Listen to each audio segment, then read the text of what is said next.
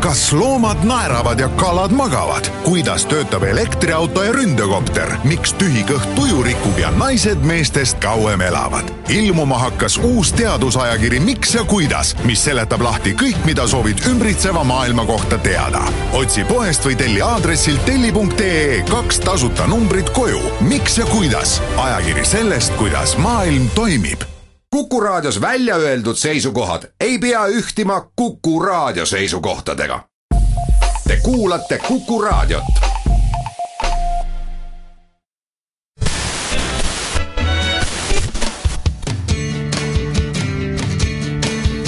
Radio Talsinki.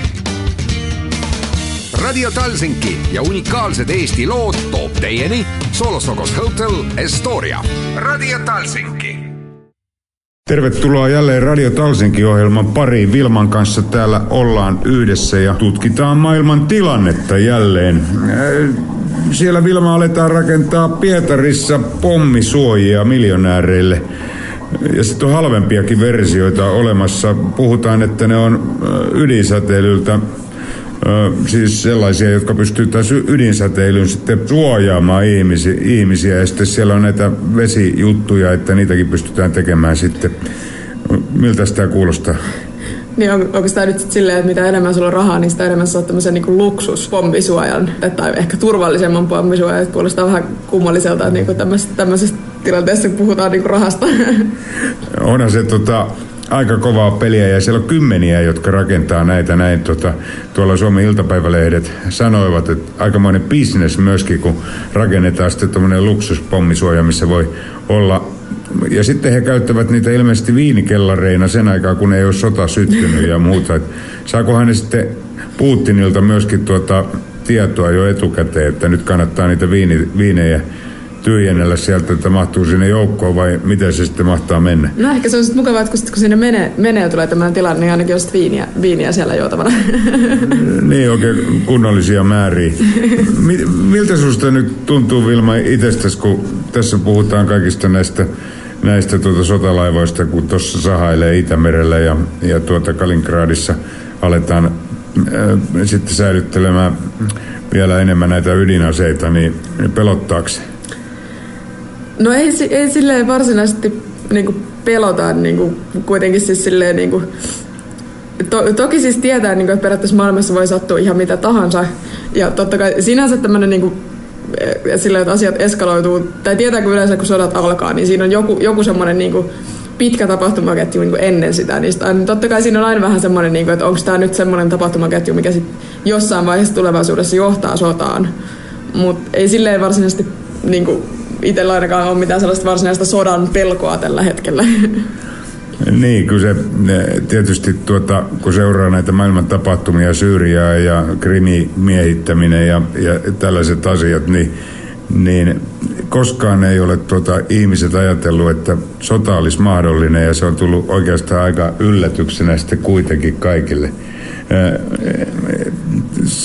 Tämä on kyllä mielenkiintoinen asia nyt seurata tätä. Että, ja, ja tietysti se monia ihmisiä pelottaakin tosi paljon tämä tämänhetkinen tilanne. Ja, ja Viron presidentti antoi siellä myöskin, myöskin tuota kansainvälisillä areenoilla sellaisen tuota, Kersti Kaljulait luonnehti, että venäläiset ei pidä mistään sopimuksesta kiinni ja ja on kyllä uhka maailmalle.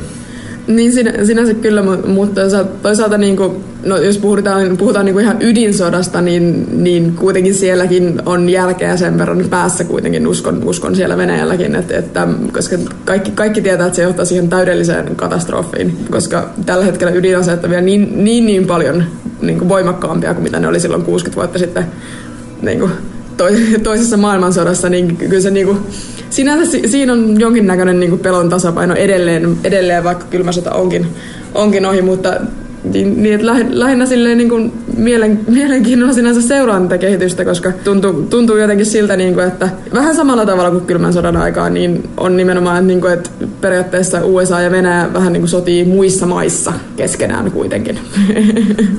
No niin, siellä on tuota, ei mielellään viedä sitä sotaa kovin lähelle omia koti, kotikontuja. Ja kyllähän jenkit tässä tietysti on oma osuutensa tässä touhussa, että tässä sitä kauhun tasapainoa sitten viritellään, että kumpi on johdossa, niin näiltä osin. Että jenkit suinkaan ole mit, mitään pyhäkoulutyttöjä ja poikia. Eikä niin kuin omissa silmissä oikeastaan niin kuin tässä asiassa hirveästi mitenkään paljon parempia. Heillä vaan sattuu olemaan parempi ikään kuin tämmöinen julkisuuskuva, mutta kyllä se niin kuin jenkit ihan samanlaista, samanlaista niin kuin soppaa keittää kuin nuo venäläisetkin, että ei se niin kuin siitä ole kiinni. Joo, nyt me laitetaan tähän alkuun musiikiksi tuota Elvistä kuitenkin ja, ja tota, yritetään sillä tasapainoilla, että kumpi sitten täällä Baltiassakin tulevaisuudessa on vallassa ja tällä hetkellä näyttää siltä, että NATO on niin kuin hiukan, hiukan tuota e- enemmän, enemmän pinnalle, niin laitetaan Elvistä tähän alkuun ja kuunnellaan sitten.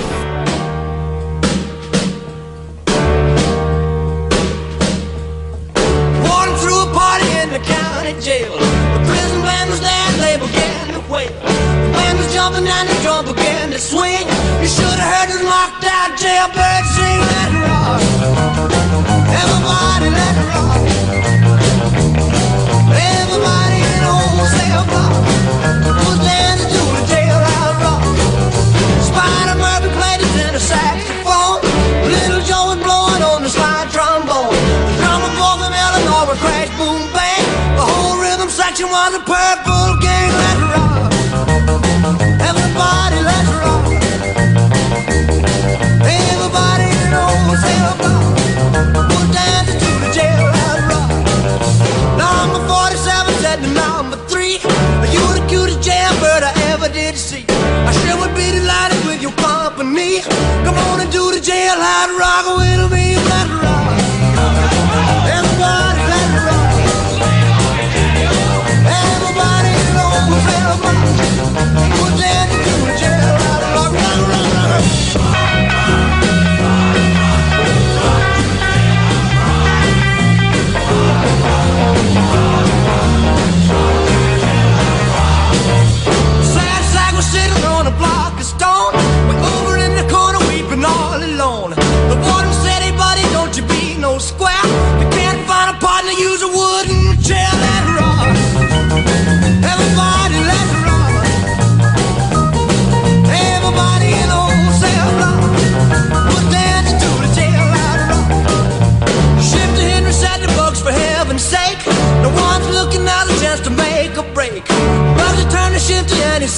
makes me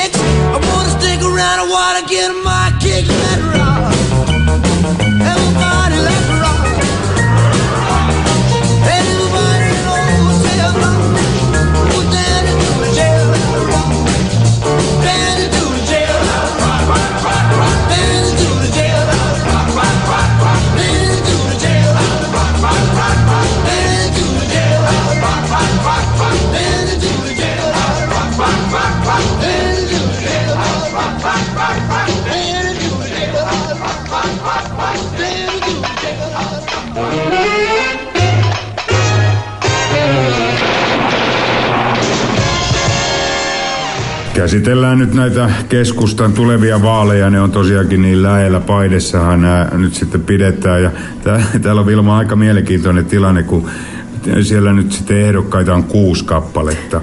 P- Peter Ernits, Heimar Lenk, Marika Tuuslaul, Jyri Rattas, Edgar Savisaaresta, Jaana Toom. No oikeastaan tässä ei ole varteutettavia ehdokkaita kuin kaksi. Mutta sitten tämä systeemi menee katsos niin, että nämä Peter Ernits ja Heimar Lenk ja Marika Tuuslaul, niin, niin pitää sitten puheita Edgar Savisaaren puolesta. e, Eli niitä e, e, ne, oikeastaan tuota niillä ei ole mitään virkaa ja salikin taitaa olla aika tyhjä silloin, kun silloin kun nämä siellä puhuvat. Tämä on aika naurettava, että minun mielestäni siellä kannattaisi olla varteutettavat ainoastaan mukana. Niin joo, se nyt kun puhutaan puoluevaaleissa, niin käsittämättä kuusi ehdokasta puheenjohtajaksi, että et kuitenkin niin kuin usein, usein niitä on se kaksi tai ihan enintään kolme. Niin kuusi on aika paljon siihen verrattuna. No, no on, ja, mutta ei, ei tässä niinku, tämä on nyt sitten muodostunut ilmeisesti äh, ainakin keskirakonan tota, systeemiksi, että näin, näin tuota tehdään, tehdään sitten tuota, näitä juttuja. Ja tosi mielenkiintoiset vaalit. Siellä tuota, Raimond Kaljulait äh, luonnehti, että Savisaaren olisi ollut viisaampaa olla menemättä häviämään sinne, sinne ollenkaan. Mutta mä, mä en tiedä, Savisaar on kyllä sellainen kettu, että mä tiedän minkälaisen minkälaiset jutut hän siellä sitten tekee, mutta kävi näissä vaaleissa sitten miten hyvänsä, niin, niin äh, kyllä ne Edgari-porukka siellä varmasti kaupunginhallituksessa tulee pysymään edelleenkin vallassa. Sen verran sitten paikallisvaaleissa tulee Edgar saamaan ääniä jälleen se 40 000, että se ei vaikuta kovinkaan paljon tähän asiaan, että aika pitkä tie sitten. Kaikki osin tämä koko keskustan niin sanottu puhdistuminen. Saa, nähdä, saa tosiaan nähdä, miten, miten tulee käymään. Mutta se oli metka, että puolueen kannatukseen tämä ei näyttäisi ollut vaikuttanut yhtään mitään. No. se on kyllä mielenkiintoista, kun tuntuu, tuntuu että puolue on aika sekavassa tilassa, niin, niin että esimerkiksi just se, että se ei varsinkin, varsinkin musta tuntuu, että ehdokkaiden määräkin kertoo siitä, että, että ei, niin kuin sisällä, puolueen sisällä ei mene kauhean hyvin, niin, mutta jännä, jännä, että tosiaan ei, ei vaikuta mitenkään sitten puolueen kannatukseen. Joo, mennään toiseen aiheeseen tässä saman tien.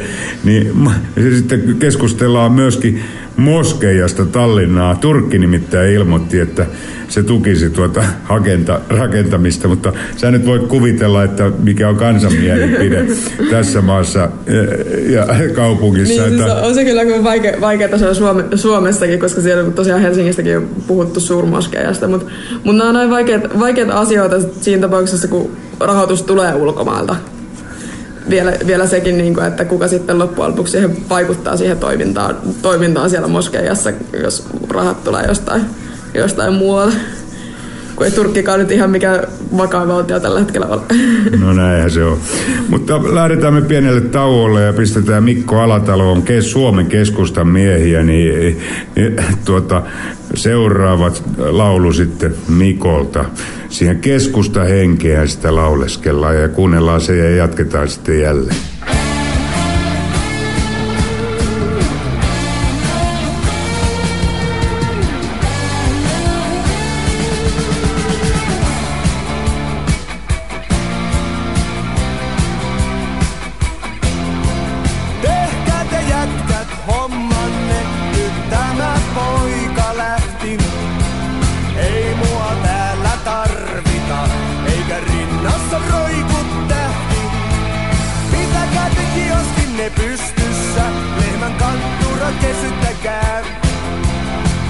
voy valer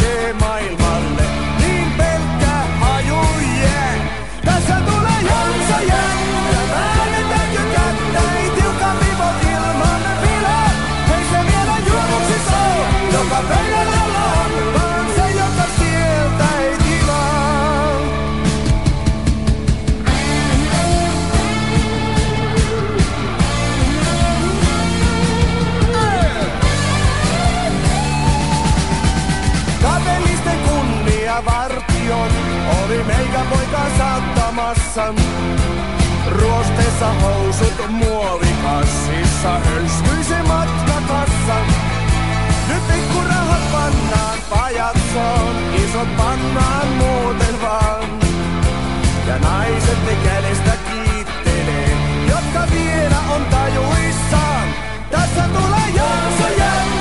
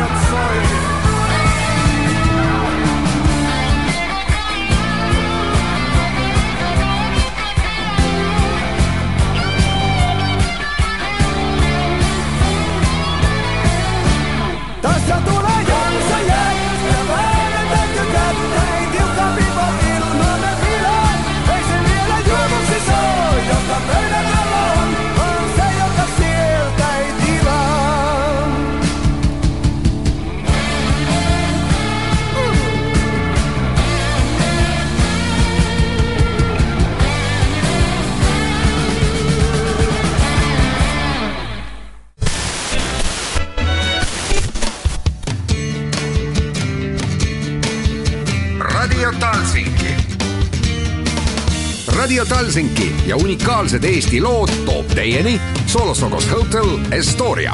Radio Talsinki. Radio Talsinkin parissa jatketaan ja studiossa täällä on Vilma Mannermaa ja Tapio Reini tutkimassa maailman menoa ja Viron elämää ja kaikenlaista, mitä me ollaan täältä tänään löydetty. Siellä tuota, tällä hetkellä näyttäisi siltä, että ää, tuo Bob Dylan on kuitenkin lähtenyt hakemaan sitä, sitä palkintoonsa Ruotsista. Hän, häneen on saatu yhteys. Huomasitko?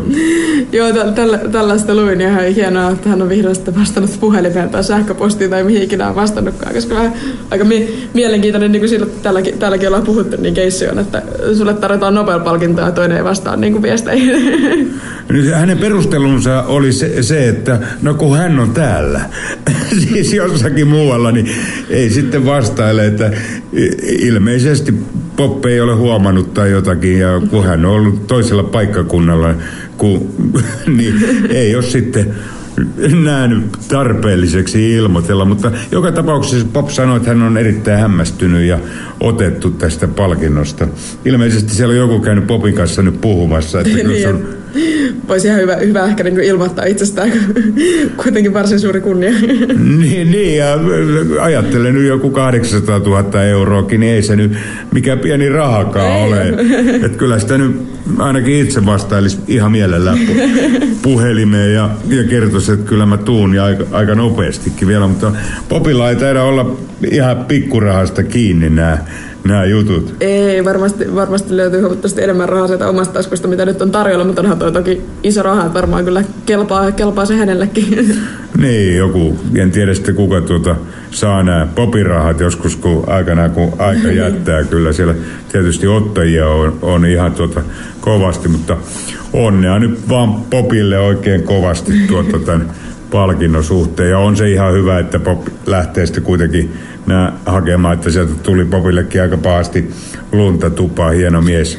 Sanoin muuten siinä vielä sitten, kun kysyttiin näistä lauluista ja muista, niin ei lähde vieläkään anal- analysoimaan näitä omia lauluja, vaan toteaa sama asia kuin nuorena, että antaa toista sitten analysoida hänen, hänen niin. biisejä. Ei mitään, onnea Popille. Lähdetään elokuva-aiheeseen. Vilma on löytänyt tältä mielenkiintoisen jutun. Joo, kyllä. On, on ollut siitä tässä syksy, syksyn mittaan jo puhetta, mutta tosiaan suomalainen elokuva Hymyilevä mies, joka on tosiaan Juho Kuosmasen ohi, ohjaama elokuva, niin alkaa pikkuhiljaa kerätä menestystä ja puhetta myöskin tuolla maailmalla. Että, että tosiaan Kannesissa voitti, jo, voitti sitten tuon kakkossarjan niin kuin jo aikaisemmin tällä, tällä leffalla ja tosiaan on myöskin Suomen Suomen Oscar-ehdokas ja siellä on myöskin povattu ihan kyllä kunnon menestystä, että pääsisi ihan varsinaiseksi ehdokkaaksi sitten myöskin sinne tosiaan vieraskieliseen elokuvien kategoriaan. Ja kuvauksen, kuvauksen Oscarista myöskin on ollut puhetta, että pääsisi ehdolle. Se on hienoa, että suomalainen elokuva menestyy ja olisi se nyt hieno saada Oscar-palkinto. Niin ja ihan siis kuitenkin aika harvinaisia nuo ihan ehdokkuudetkin on, niin sinä, sinänsä hie, hienoa, että ihan se, semmoinenkin tulisi vaikka kaksikin tolleen leffalle, että kuitenkin aika harvoin niitä Suomeen tulee. Toki tosiaan Selma äh, Vilhusen lyhyt elokuva kyllä semmoisen sai tuossa pari vuotta sitten, mutta ihan tällaisesta pitkästä elokuvasta. Ja tosiaan se, mistä tämä elokuva kertoo, niin on nyrkkeilijä Olli Mäestä. Ja oikeastaan ei niin paljon siitä nyrkkeilystä, vaan enemmänkin siitä, miten hän rakastui. Se, se on aika hieno, hieno aihe. Ja Olli Mäen, me vanhempi porukka, muistetaan kyllä nyrkkeilijänä myöskin, joka hän oli erittäin hieno mies siellä kehässä ja teki e, sen urheilualan eteen paljon töitä ja valmensi myöskin sitten myöhemmässä Joo. vaiheessa. Et... Se, se, mitä tästä vähän surullinen juttu, että mitä Iltasanomista tosiaan luin tuossa, niin, niin ilmeisesti sen verran Alzheimer tai ainakin vähintään dementia on, on nollimällä tällä, tällä hetkellä, että ei, ei itse niin kuin, on, on nähnyt elokuvan monen otteeseen, mutta tota, ei kovin, kovin hyvin sitä silleen hahmota, koska alkaa olla sen verran vanha jo ja vähän huonossa kunnossa. Nyrkkeilijöillä usein tuo pää menee sitten vähän sekaisin vanhempana ja ja tuota, en tiedä sitten mi, mi, mi, mikä johtuu nyrkkeilystä ja niin. mikä ihan vanhuudesta ja sairastuu aina kaikki muutkin ihmiset, että kuin urheilijat. Näinhän se, näinhän se on. Tuota, mitäs muuten mieltä olette tästä Norjan hiihtojutusta? Näyttäisi olevan, että siellä tehdään videoita ja kaikenlaisia tällä hetkellä Suomessakin. Pitäisiköhän tota, Teresaa painaa tällä hetkellä niin kovaa kuin painetaan? No se on kyllä, joka päivä tuntuu, että otsikoissa on ollut Teresa Juhauko tässä viimeisten viikkojen aikana ja ehkä silleen niin kuin, kuitenkin puhutaan yksittäisestä urheilijasta, niin tuntuu, koska kyllähän noita dopingkärjoja tulee toki iso tähti hiihdossa, ei siinä, siinä mitään, mutta, mutta se, että yksittäistä tapausta kuitenkin sitten näin, näin hirvittävän paljon käsitellään. Mutta toki Suomessa se on ihan ymmärrettävää, että käsitellään hiihtoa kuitenkin iso, iso laji ja kyllä ne omatkin dopingkärryt Suomelta, Suomelta siellä löytyy, mutta, mutta en sinänsä itse ole yhtään yllättynyt siitä, että on Norjasta pikkuhiljaa ruvennut tulemaan näitä, niin kuin, että kun pari vuotta sitten, kun katoin, katoin jotain, jotain televisiosta hiihtokisoja, kun siellä tuntuu, että niinku norjalaiset ottaa siellä niinku kolmas- ja kaksoisvoittajia, niin sanoi, että katsotaan kahdeksan vuoden päästä, että kuinka monta dopingkärryä on, niin nythän niitä sitten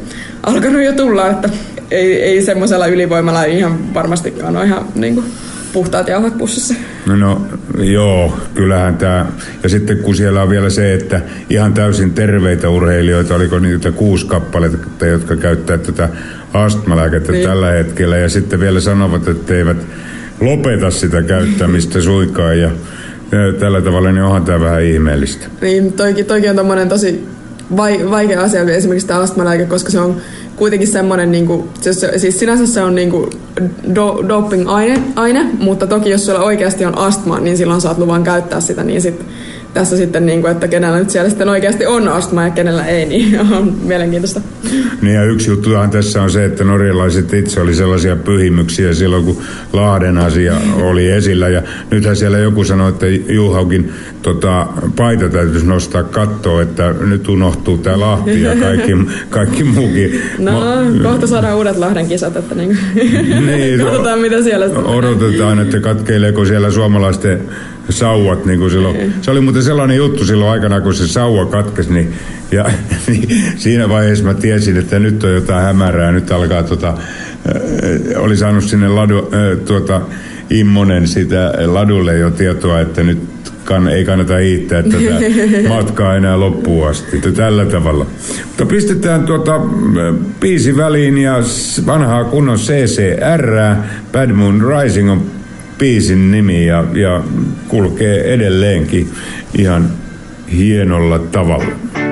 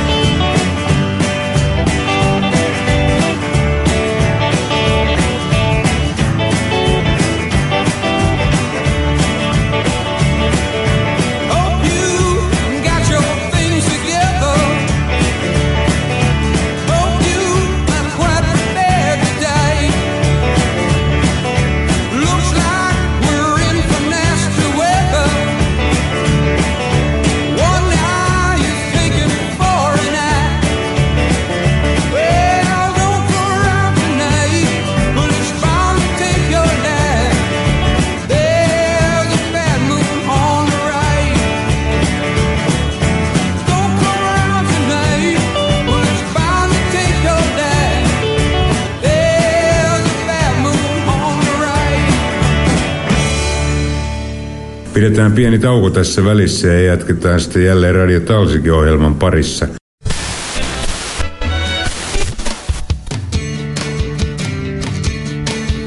Radio Talsinki. Radio Talsinki ja unikaalsed Eesti lood toob teieni Solosokos Hotel Estoria. Radio Talsinki.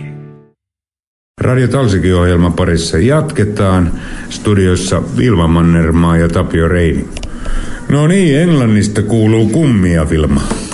Näin on. Suomi on mennyt ihan seka, sekaisin siitä, että äh, X Factor UKissa, eli tota, tosiaan laulukilpailussa siellä on suomalainen osallistuja, eli Saara, Saara Aalto. Ja tosiaan nyt jo muutama viikon ollut siellä live, live-lähetyksessä. Ja ää, tällä hetkellä emme vielä tiedä, miten kävi viimeisimmässä, mutta että pääsikö jatkoon, mutta ää, kuitenkin mielenkiintoista, että vihdoin, vihdoin on joku täältä Suomestakin lähtenyt tuonne ulkomaille kisaamaan. Niin ja hienosti tosiaan menestynyt ja siellä lehdet kirjoittelee, että englantilaiset ovat aivan haltioissaan tästä Saaran esiintymisestä. Näin, näin on, niin musta tuntuu, että vähän, vähän ensimmäiset live-lähetykset ei mennyt tuloksellisesti ihan niin hyvin, hyvin kuin olisi voinut mennä, mutta veikkaan, että nyt, nyt kuitenkin parempaan, parempaan suuntaan ja alkaa olla vähän tunnetumpi henkilö ja kuitenkin aikalainen persoona kuitenkin sitten, sitten tota, on kyse, kyseessä, niin, niin toivottavasti jaksavat vielä äänestää, kun sitä ei täältä Suomesta päin voi tehdä. Suomesta tai Virosta päin voi oikein tehdä, niin toivottavasti britit sitten äänestävät. Kyllä, kyllä. Tuota, näistä meistä, meidän ohjelmista sen verran äh, sanoisin äh, ihmisille, kun meitäkin kuuntelevat Talsikin ohjelmaa, niin meillä on nykyään tämä 92,4 oma kanava, niin meillä on ollut tosi mielenkiintoisia vieraita. Äh, siellä Terhinaattori-ohjelmassa oli sellainen nainen kuin tulivuoritutkija Heidi so- Soosalun nyt viimeksi ja kertomassa näistä tulivuorista ja muista. Mä rupesin miettimään, että onko täällä Virossa tulivuoria, mutta... Mm, Olisi edes vuoria, niin, niin tuskin. Tuskinpa. Niin, ja sitten meillä oli tota, tosiaankin muitakin tota, mielenkiintoisia, mielenkiintoisia vieraita siellä, siellä nyt on ollut. On ollut reformierakonnan ää, ää, ryhmän johtaja sieltä sieltä Riikin kokusta ää, Urve Tiidus on, oli tuossa viime viikolla ja seuratkaapa meidän lähetyksiä. Täällä on aika moisia keskusteluja. Nyt saa, saapui sitten tosiaankin nyt maanantai-aamulla, niin Mart Ummelas, ja hänellä on myöskin sitten varmaan mielenkiintoista kerrottavaa. Ja laitetaan se myöskin sitten uusintana meille, meille tulemaan, mitä Mart kertoili. Aikamoinen kirjoittelija ja keskerakona miehiä aika vankasti tuntuisi olevan ja kysytään nyt sitten, että onko hän niin kovasti Savisaaren mies vai ei, niin mehän tehdään tätä lähetystä jälleen sunnuntaina. Ja mediakentästä myöskin. Täällä on mielenkiintoista aina vähän keskustella, että mitä tapahtuu sitten Tallinnan televisiolle, jos Edgar Savisaari sieltä loksautetaan pallilta vähän sivummalle ja muuta, että Tallinnan TV on pidetty aika aika tuota pitkälti keskerakonnan äänen kannattajana ja sitten taas varmasti toiset pitävät näitä ERR-kanavia näitä hallituksen kanavina. Niin, täytyy muuten sanoa tuosta ERRstä, kun mainitsit, niin pääsin tuossa viime viikolla katsoma, katsomaan ihan tätä paikan päälle, että minkä, minkälaisia uusia tiloja sinne on tulossa, kun on tosiaan sinne raken, rakennetaan ja remontoidaan niitä rakennuksia, niin ihan hienolta näytti. Joo, niin kuulin myöskin. Ja ERR täyttää muuten 90 vuotta nyt sitten, että kauan on tehty täälläkin näitä radio-ohjelmia. Niin, ja te... Yleisradion perässä siinä. niin, et, hienoja juhlavuosia nyt tulee Viro 100 ja Suomi 100 ensi vuonna ja mekin meinataan järjestää pieni tapahtuma taas tuonne muuhun saarelle sitten se, sen tiimoilta Suomi 100 idealla ja, ja meillä on ollut siellä vu, jo kymmenen vuotta äh, Crockett Universum kisat ja tällä kertaa me äh, panostetaan siihen äh, Suomen väreissä ja, ja toivotaan tietysti Suomesta myöskin paljon osalle, osallistujia. Muistaakseni Suomella oli ennen aina hienot verkkarit, semmoiset, jossa luki Suomi. Mulla oli itselläkin semmoinen paita pitkä aikaa tai huppari. Mä oon nykyään itse asiassa miettinyt tätä, kun katsoo noita Suomen monissa lajeissa niin edustusasuja niin urheilussa. Kun mainitsit tuossa, että luki Suomi, niin nykyään niissä ei enää melkein missään lajissa lue Suomi, kun niissä kaikissa lukee Finland. Niin mun mielestä on vähän kummallista, että kuitenkin tämmöiset niin edustusasut, niin pitäisi sen omalla kielellä lukea se nimi siellä. Niin, ja nyt ainakin kun tulee sitten Suomi sata vuosi, niin pitäisi olla se Suomi, Suomi tota noin, niin niissä niissä verkkareissa ja vaikka sitten pienemmällä siellä alla Finland, jos se... Jos, jos se, ei muuten muut tunnista.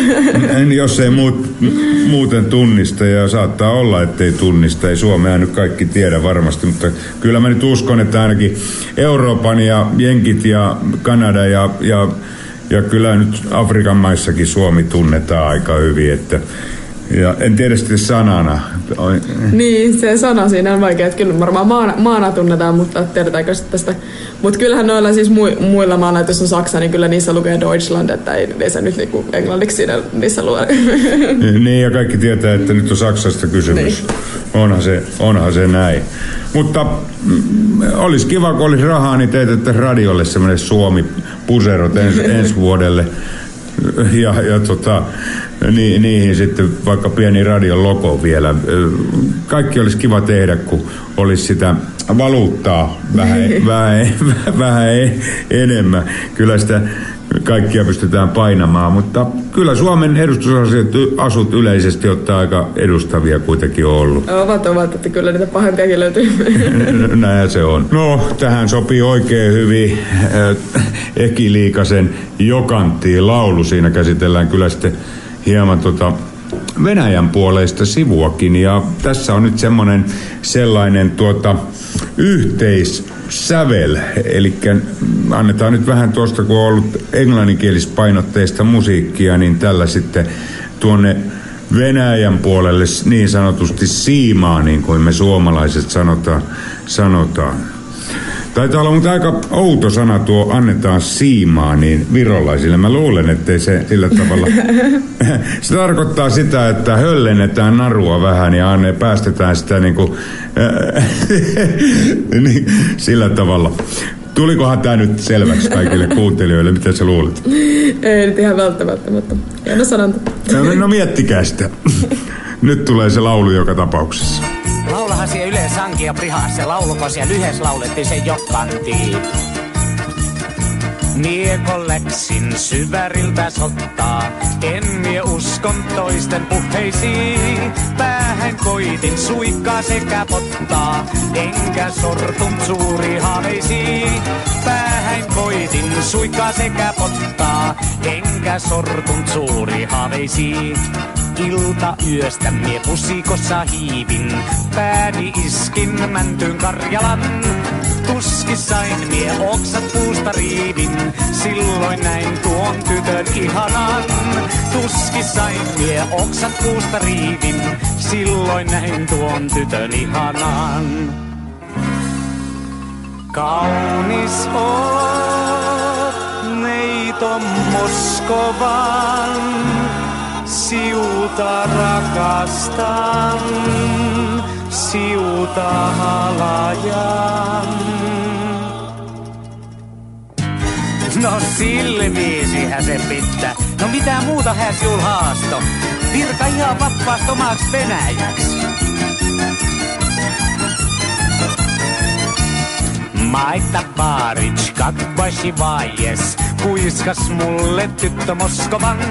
Maladaja, podvod rižubuška, lemmentuška syttyi rinnassain. Maladaja, podvod rižubuška, lemmentuška syttyi rinnassain. Ja Bridoska, kerro rakas koska, saanen suudella ruso huulias. Niet, prihas, spasiba tällä, tuolla on puska siellä harajo. Niet, niet prihas, spasiba tällä, tuolla on puska siellä harajo. Kaunis oot neito Moskovan, siuta rakastan, siuta halajan. No miten siis itkä, kun tul tää rauha? Näit enää siu olkaas? Tuliks julle ikävä? Vienan kauniin Karjalan jäi Olga. Sankarpoika puhkes kyyneliin. Jossain kaukaa välleikke Volga, rakkaus on rajatonta niin. Jossain kaukaa välleikke Volga, rakkaus on rajatonta niin. Jossain kaukaa välleikke Volga, rakkaus on rajatonta niin. Aika hienosti on Vilma ollut meillä tukijoita ja Salosakos Hotels on ollut kyllä meidän yksi yksi tärkeimpiä tukijoita.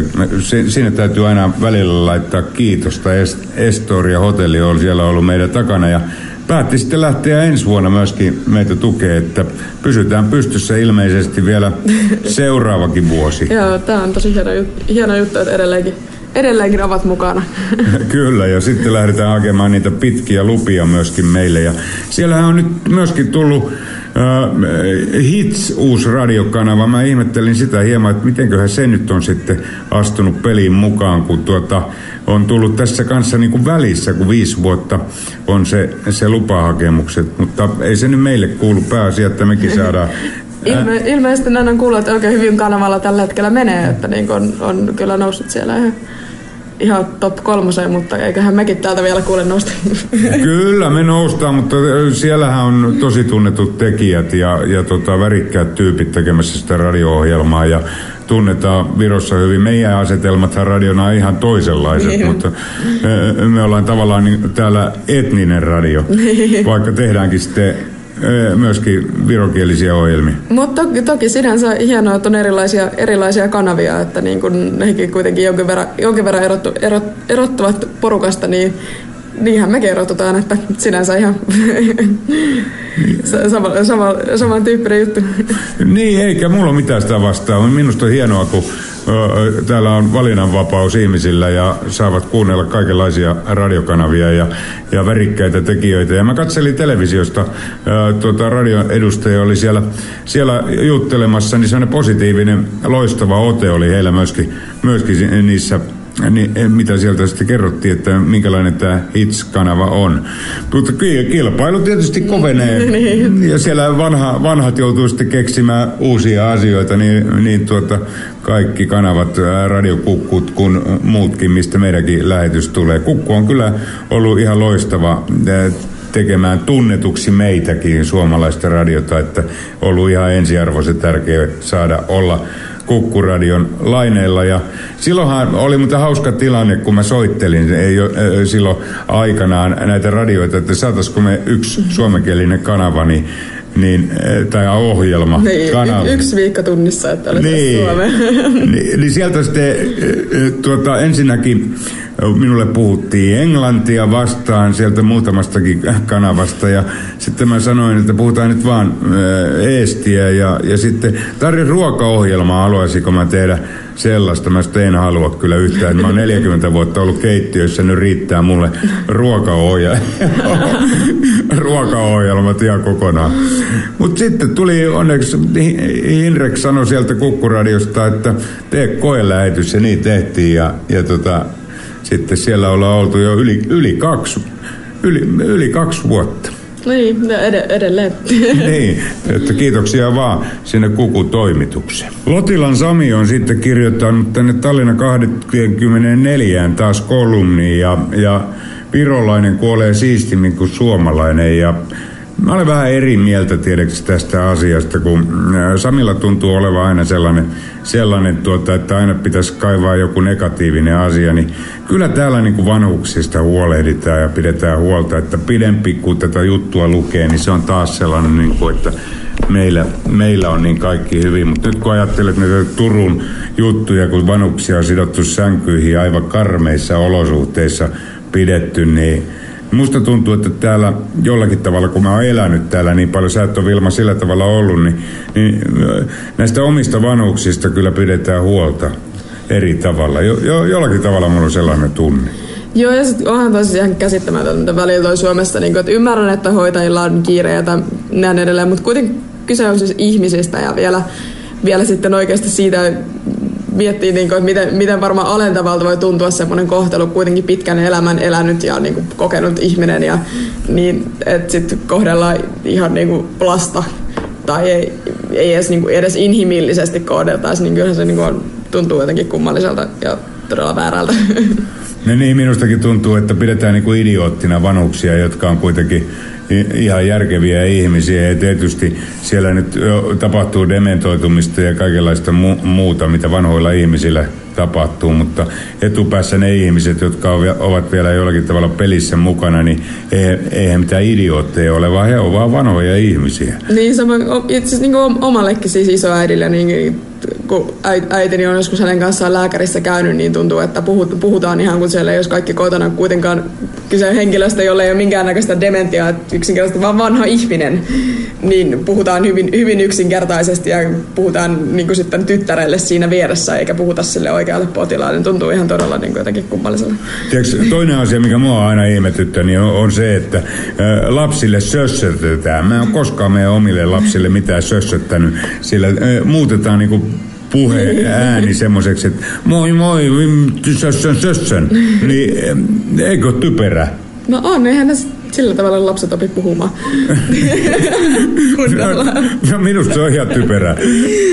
Anteeksi vaan kaikille, jotka sössöttää lapsille, mutta minun mielestä se on niin typerää, että ei haluaisi edes kuunnella semmoisia tyyppejä. Ja monesti lapset on vielä ihan oikeasti tosi fiksuja, että niinku, niitäkään kannata aliarvioida. no ei. Eikä ketään ihmistä kannata minun mielestäni aliarvioida. Tuota, meitä ihmisiä on niin monenlaisia ja monen ikäisiä, on vanhoja ihmisiä ja, ja nuoria ihmisiä. Ja just tuossa viime kerralla, kun tehtiin Vilman kanssa ohjelmaa, niin sanoikin, sanoikin, että tosi hieno tehdä. Vilma on nyt 21 ja mä oon 57 ja samalla lailla tässä pystytään ohjelmaa tehdä ja tekemään ja ajattelemaan yhdessä näitä juttuja ja tulee ehkä erilaisia näkökulmia myöskin. Ja vanhempia ihmisiä kannattaisi myöskin minun mielestäni kuunnella siellä siellä on paljon tuota historiaa takana ja, ja tuota, tapahtumia ja, ja sellaisia, mitkä on tosi mielenkiintoisia. Niin. Se siitä aiheesta. Seuraavaksi otetaan sitten Vilman kanssa käsittelyyn aito avioliittoasia ja siellä on ilmeisesti heitetty porukkaa pihalle kirjamessuille. Joo, ei siis sinänsä mistään ihan järkyttävän dramaattista tapahtumasta ole kyse, mutta tässä on vaan sattunut käymään näin, että he olivat menneet sitten kir- kirjamessuille äh, kampanjoimaan, mutta eivät sitten ole ilmoittautuneet sinne, että ovat, ovat siellä paikalla, niin oli, oli sitten heitetty koko porukka sieltä ulos. Niitä aito avioliittohan tarkoittaa sitä, just tuossa Vilmalta varmisti, että miehen ja naisen välinen avio, avio, avioliitto, niin no siitä nousi tietysti sitten karmea meteli ilman muuta, että miksi heidät heitetään pihalle. Joo, ja kyllä, mutta toisaalta ovat kyllä ihmiset paljon tuolla internetissä ja somessa kiitelleet, että heidät heitettiin sieltä pihalle, mutta tosiaan ei siis ollut mikään poliittinen syy tämän ulosheiton takana, että ihan vaan tämmöinen tek- tekninen juttu, että eivät sinne ole il- ilmoittautuneet, mutta ei siinä, siinä mitään. Tosiaan kyse, kyse on ikään kuin, niin kuin vastakampanja tälle Tahlan 2013 kampanjalle, eli sillä, tota, tosiaan kansalaisaloitteita molemmat ovat. Niin. Ja en, en itse tiedä, mitä kuuluu heidän aloitteilleen tällä hetkellä, että ilmeisesti jossain eduskunnan syövereissä menee, menee siellä kuitenkin ja pitäisi ilmeisesti jollain tavalla ottaa se käsittelyyn, mutta saa nähdä, miten siinä käy, että ehditään, ehditäänkö sitä käsitellä tai tullaanko sitä käsittelemään ja vielä kysymyksenä, että ehditäänkö se käsitellä ennen kuin tämä sukupuolineutraali avioliittolaki tulee voimaan sitten ensi maaliskuussa. Tuntuu siltä, että tämä asiat kaikki seksuaali painottuu mm-hmm. jollakin tavalla. Nyt yksi kaveri siellä valitti taas ilta, Ilta-Sanomista tai Iltalehdessä, en muista kummassa, että hän ei saa töitä, kun hän on homo. Ja sekä ei ole minun mielestäni tota, ihan varmasti totta, että niitä homojakin on kaikenlaisia homoseksuaalistisia ihmisiä. On, on tuota hyviä työntekijöitä ja sitten on huonoja työntekijöitä ja ne syyt voi olla moninaiset, eikä vaan pelkästään se asia, että joku on jotakin. Niin, en, niin kuin, en kiellä sitä, että etteikö joissain paikoissa voitaisiin syrjiä niin kuin homoseksuaalisuuden perusteella, mutta en, en sitten to, tosiaan tiedä, tiedä ta, tarkemmin tämän tapauksen taustoista, mutta kyllä tuntuu vähän kummalliselta, että eikö niinku palkattaisi sen takia niinku yhtään mihinkään, että on homo, niin ei kuulosta ihan niinku Suomen, Suomen meiningiltä sitten kuitenkaan, vaikka toki, toki on ihmisiä erilaisia mielipiteitä paljon Suomessakin. Niin, minulla ei ole homoseksuaalia, homoseksuaalisteja vastaan yhtään mitään. Mä voin sen nyt tässä kertoa, mutta sitä vastaan, että vedotaan johonkin semmoisiin syihin, eh, jotka ei välttämättä ole totta, niin sitä vastaan minulla kyllä on. Niin, ja sit, Olkoon sitten syy mikä ihan tahansa. Niin samanlainen, äh, t- vähän niin kuin, sama, samantyyppisiä tapauksia, että esimerkiksi kun oli joku äi, äiti, joka kirjoitti, oli siis, äh, hänellä on poika, joka on adoptoitu, adoptoitu ja hänen poika on tummaihoinen, että oli joskus liikku Facebookissa tämmöinen tapaus, että hänen poikaansa jo tuota bus, bussipysäkiltä kyytiin, koska hän on tummaihoinen, että bussi ajaa ohi. Niin voin kyllä sanoa, että ei varmaan ole ainoa ihminen Suomessa, jon- jonka niin kuin, ohibussi on joskus pysäkiltä ajanut, että todennäköisesti ei, ei johdu siitä, että, että lapsi on tummaihoinen, vaan ihan sit kuskin ammattitaidottomuudesta. Niin, ja tiedätkö, nyt tässä, nyt kun otit tämän asian äh, puheeksi, niin, niin minua on rasistisesti sorrettu täällä t- Tallinnassa. Kahtena kolmenakin aamuna on virolainen passi, pussikuski siis ajanut minun ohitseni ja jättänyt Niin. kylmästi pysäkille. Eli Pakko johtua siitä, että olet suomalainen. Ei siinä mitään myytä syytä, vo- syytä voi tähän olla. Niin mulla katsoi se pieni Suomen lippu tuossa takissa. Ilmeisesti hän on huomannut sen ja ajatellut, että jätetään poro sinne seisomaan Niin. linja-autopysäkille.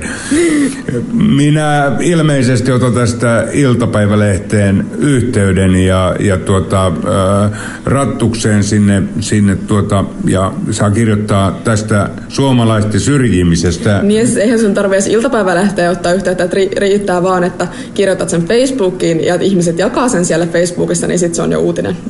Niin se menee eteenpäin sieltä. Niin, ihan, ihan varmasti joku toimittaja sen sieltä nappaa.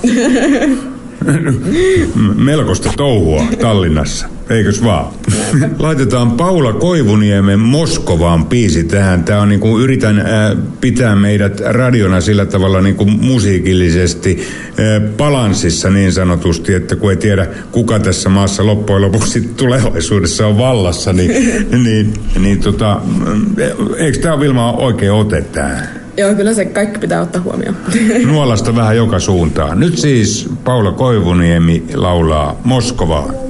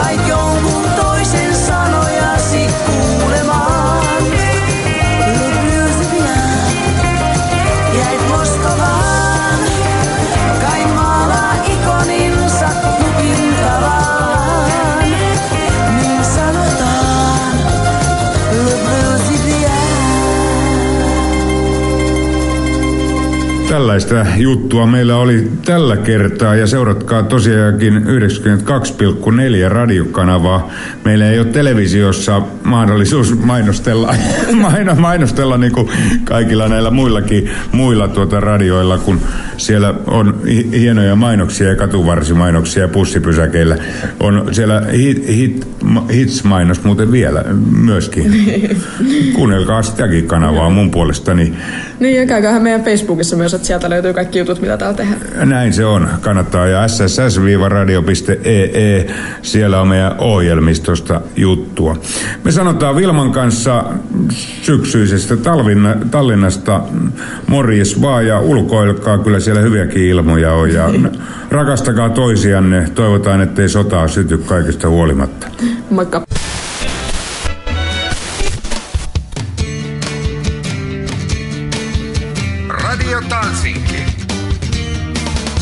Radio Talsinki ja unikaalsed Eesti lood toob teieni Solostokos Hotel Estoria. Radio Talsinki